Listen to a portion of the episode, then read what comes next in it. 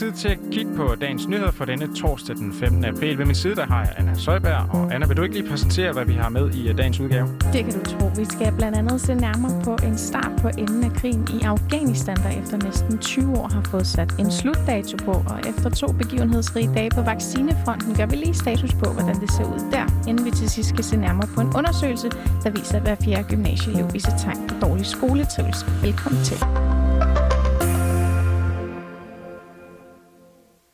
Olav, hvor var du henne den 11. september 2001? Øh, jamen, jeg mener, jeg sad øh, foran fjernsynet og så børneteam. Det har i hvert fald øh, min mor fortalt mig, jeg så kom ind og afbrød. Ja, altså det er jo noget, vi alle husker, det her angreb på World Trade Center, og vi husker også, hvad, hvad der skete efterfølgende. Anført af USA blev der indledt en krig mod terror og al-Qaida, og den krig skulle udkæmpes i Afghanistan. En krig, der her 20 år efter nu langt om længe kan se sin ende. Det kunne den amerikanske præsident Joe Biden i aftes fortælle.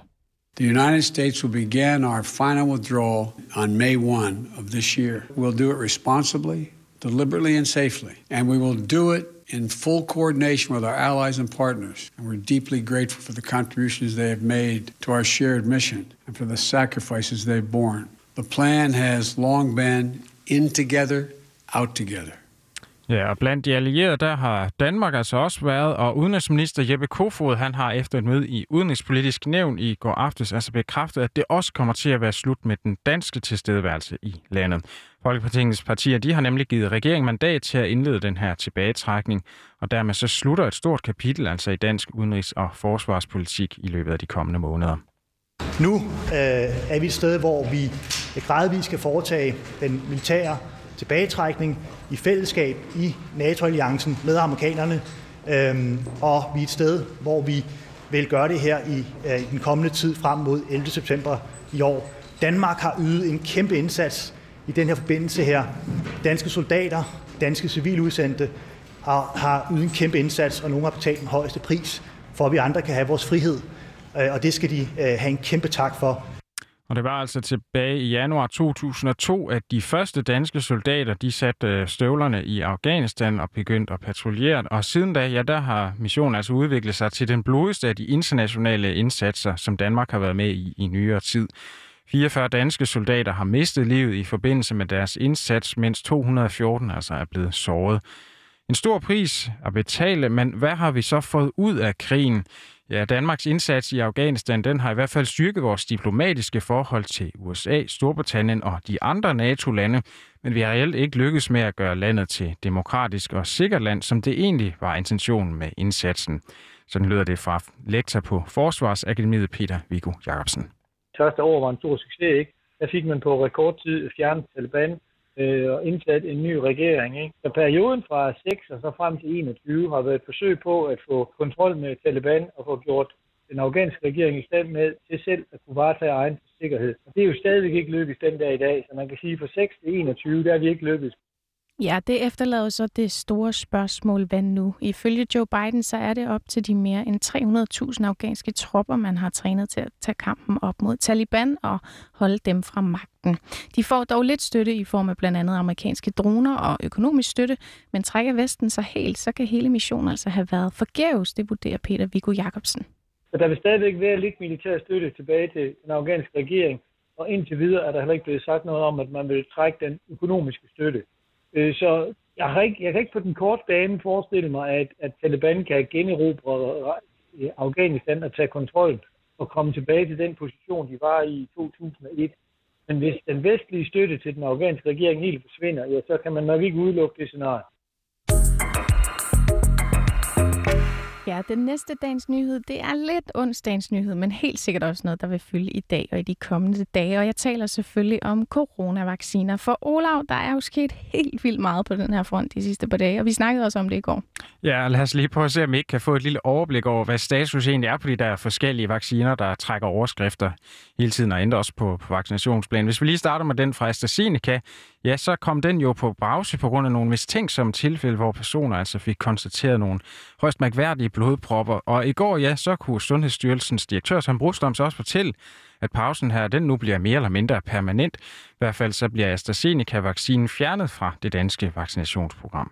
Vi vil gerne orientere jer øh, primært omkring vores beslutning om at fortsætte øh, vaccinationsudrulningen i Danmark uden AstraZeneca-vaccinen, og så vil jeg også gerne orientere lidt om, Øh, hvad vi gør med Johnson Johnson-vaccinen. Ja, som man lige kunne høre her til sidst, så nævner Søren Brostrøm altså også Johnson Johnsons etstiksvaccine, for den adkom altså i går til EU og andre øh, øh, andre medlemslande herunder også Danmark, men den er altså også sat på pause. Så det spørgsmål, som er blevet stillet siden meldingen i går, det er altså, om man stopper brugen af AstraZenecas vacciner herhjemme. Og det er jo, hvad betyder det så for vores vaccinationsplan? Ja, for med den ude og Johnson Johnson på pause, så vil den altså rykke sig. Den forventede dato for, hvornår alle over 16 år forventes vaccineret, er nu den første uge i august, og det er altså en udskydelse på to uger. Men Brostrøm, han mener ikke, det burde rykke det store ved selve genåbningsplanen, fordi tallene lige nu ser fornuftige ud. Og apropos tal, så lad os lige se på de tal, der har sat de her vacciner lidt i karantæne. For det er cirka 1 ud af 40.000, der bliver vaccineret med AstraZeneca, som kan forvente den her komplikation med blodpropper. Og når vi ser på Johnson Johnson, så er det 6 tilfælde ud af de 7 millioner, der er vaccineret. Men alligevel har Johnson Johnson selv anbefalet, at man sætter den på pause. Den kan dog stadig blive en del af den danske vaccinationsplan, og det kan AstraZeneca faktisk også, bare ikke i den store udrulning af vacciner. Jeg har svært ved at se det eller så gøre i en masse vaccinationsudrulning, som den vi foretager i Danmark. Men selvfølgelig kan det lade sig gøre at ordinere et konkret lægemiddel. Det er det, vi gør hver dag. Det er det, øh, der er essensen. Heldigvis ikke det eneste redskab i, i lægens værktøjskasse, men det er et vigtigt værktøjskasse. Det er det, vi gør hver dag. Ja, og der er altså stadigvæk et stort spørgsmål, som står tilbage, efter man nu har taget AstraZeneca ud af den her øh, masse vaccination herhjemme. For hvad gør man egentlig lige med de godt 150.000 danskere, som altså kun har nået at få et stik af den her AstraZeneca-vaccine? Ja, så kan man måske se frem til at få lov at prøve en af de andre vacciner, fortalte sig Søren Brostrøm. I får så tilbudt en af de andre vacciner. Vi kigger nu på, hvad andre lande gør, og vi kigger ned i, øh, i hvad hedder det, øh, dokumentationsgrundlaget, særligt for Storbritannien, som har haft en del, der er skiftet på tværs af vacciner, for ligesom at komme frem til, hvornår er det så det rigtige tidspunkt. Er det tilstrækkeligt med en dosis af den nye vaccine? Skal man have to? Og, og der kan man være fuldstændig tryg ved, at Sundhedsstyrelsen kommer frem til noget, som vi kan anbefale, og en vaccine, vi kan anbefale. Og I får selvfølgelig en invitation i jeres e-boks til øh, færdig vaccination. Ja, det kan muligvis blive en vaccine fra Pfizer, for frem mod sommerferien, der kommer Danmark til at modtage ca. 650.000 flere vacciner end forventet fra Pfizer-BioNTech.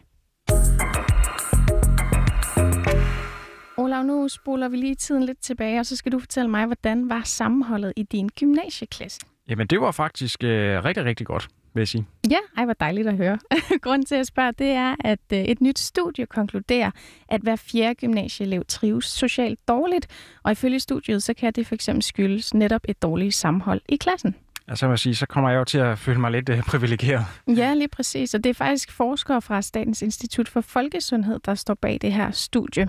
Og hvis vi zoomer lidt ind på den undersøgelse, som studiet tager udgangspunkt i, så kan jeg fortælle, at det bygger på en spørgeskemaundersøgelse, som er lavet blandt ca. 29.000 gymnasieelever tilbage i 2019, og det vil altså sige før pandemien den ramte. Og forskerne har kigget på skoletrivsel og på, hvordan det er forbundet med den mentale sundhed blandt eleverne. Der er blevet spurgt ind til fire forskellige trivselspunkter, og her er det altså hver fjerde elev, der har oplevet en form for mistrivsel. Ifølge studiets hovedforfatter, forsker Sigi Santini, så det er bekymrende. God trivsel, det er nemlig vigtigt for elevernes fremtidige liv, fortæller han.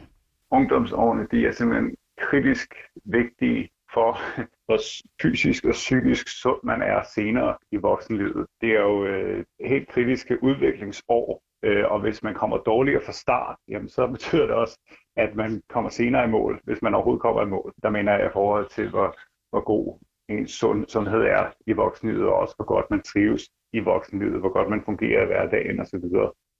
Ja, så det her det er altså nogle ret ærgerlige tal.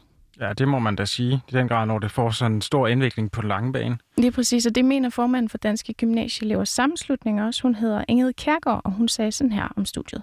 Det er rigtig bekymrende, at der er så mange gymnasieelever, der oplever det. Det synes jeg selv ikke er godt nok, og det viser jo det, som vi har snakket om i mange år efterhånden, nemlig at vi står med en ungdom i en trivselskrise, hvor alt for mange har det dårligt.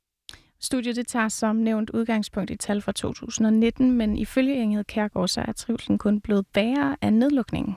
Nogle af de ting, som bliver snakker om i undersøgelsen, det er jo både relation til klassekammerater, det er relation til lærer, og det er jo noget af det, der har været allermest under pres her i løbet af de sidste ja, mere end et år nu. Det er jo noget, der har manglet allermest, det er jo relationen til, dem, man omgås med i det daglige, fordi man bare har siddet og kigget ind i en skærm. Så desværre er vores indtryk, at det, det ærgerlige tal, der man fandt i undersøgelsen i 19, det er kun blevet højere. Der er kun endnu flere, der mistrives nu.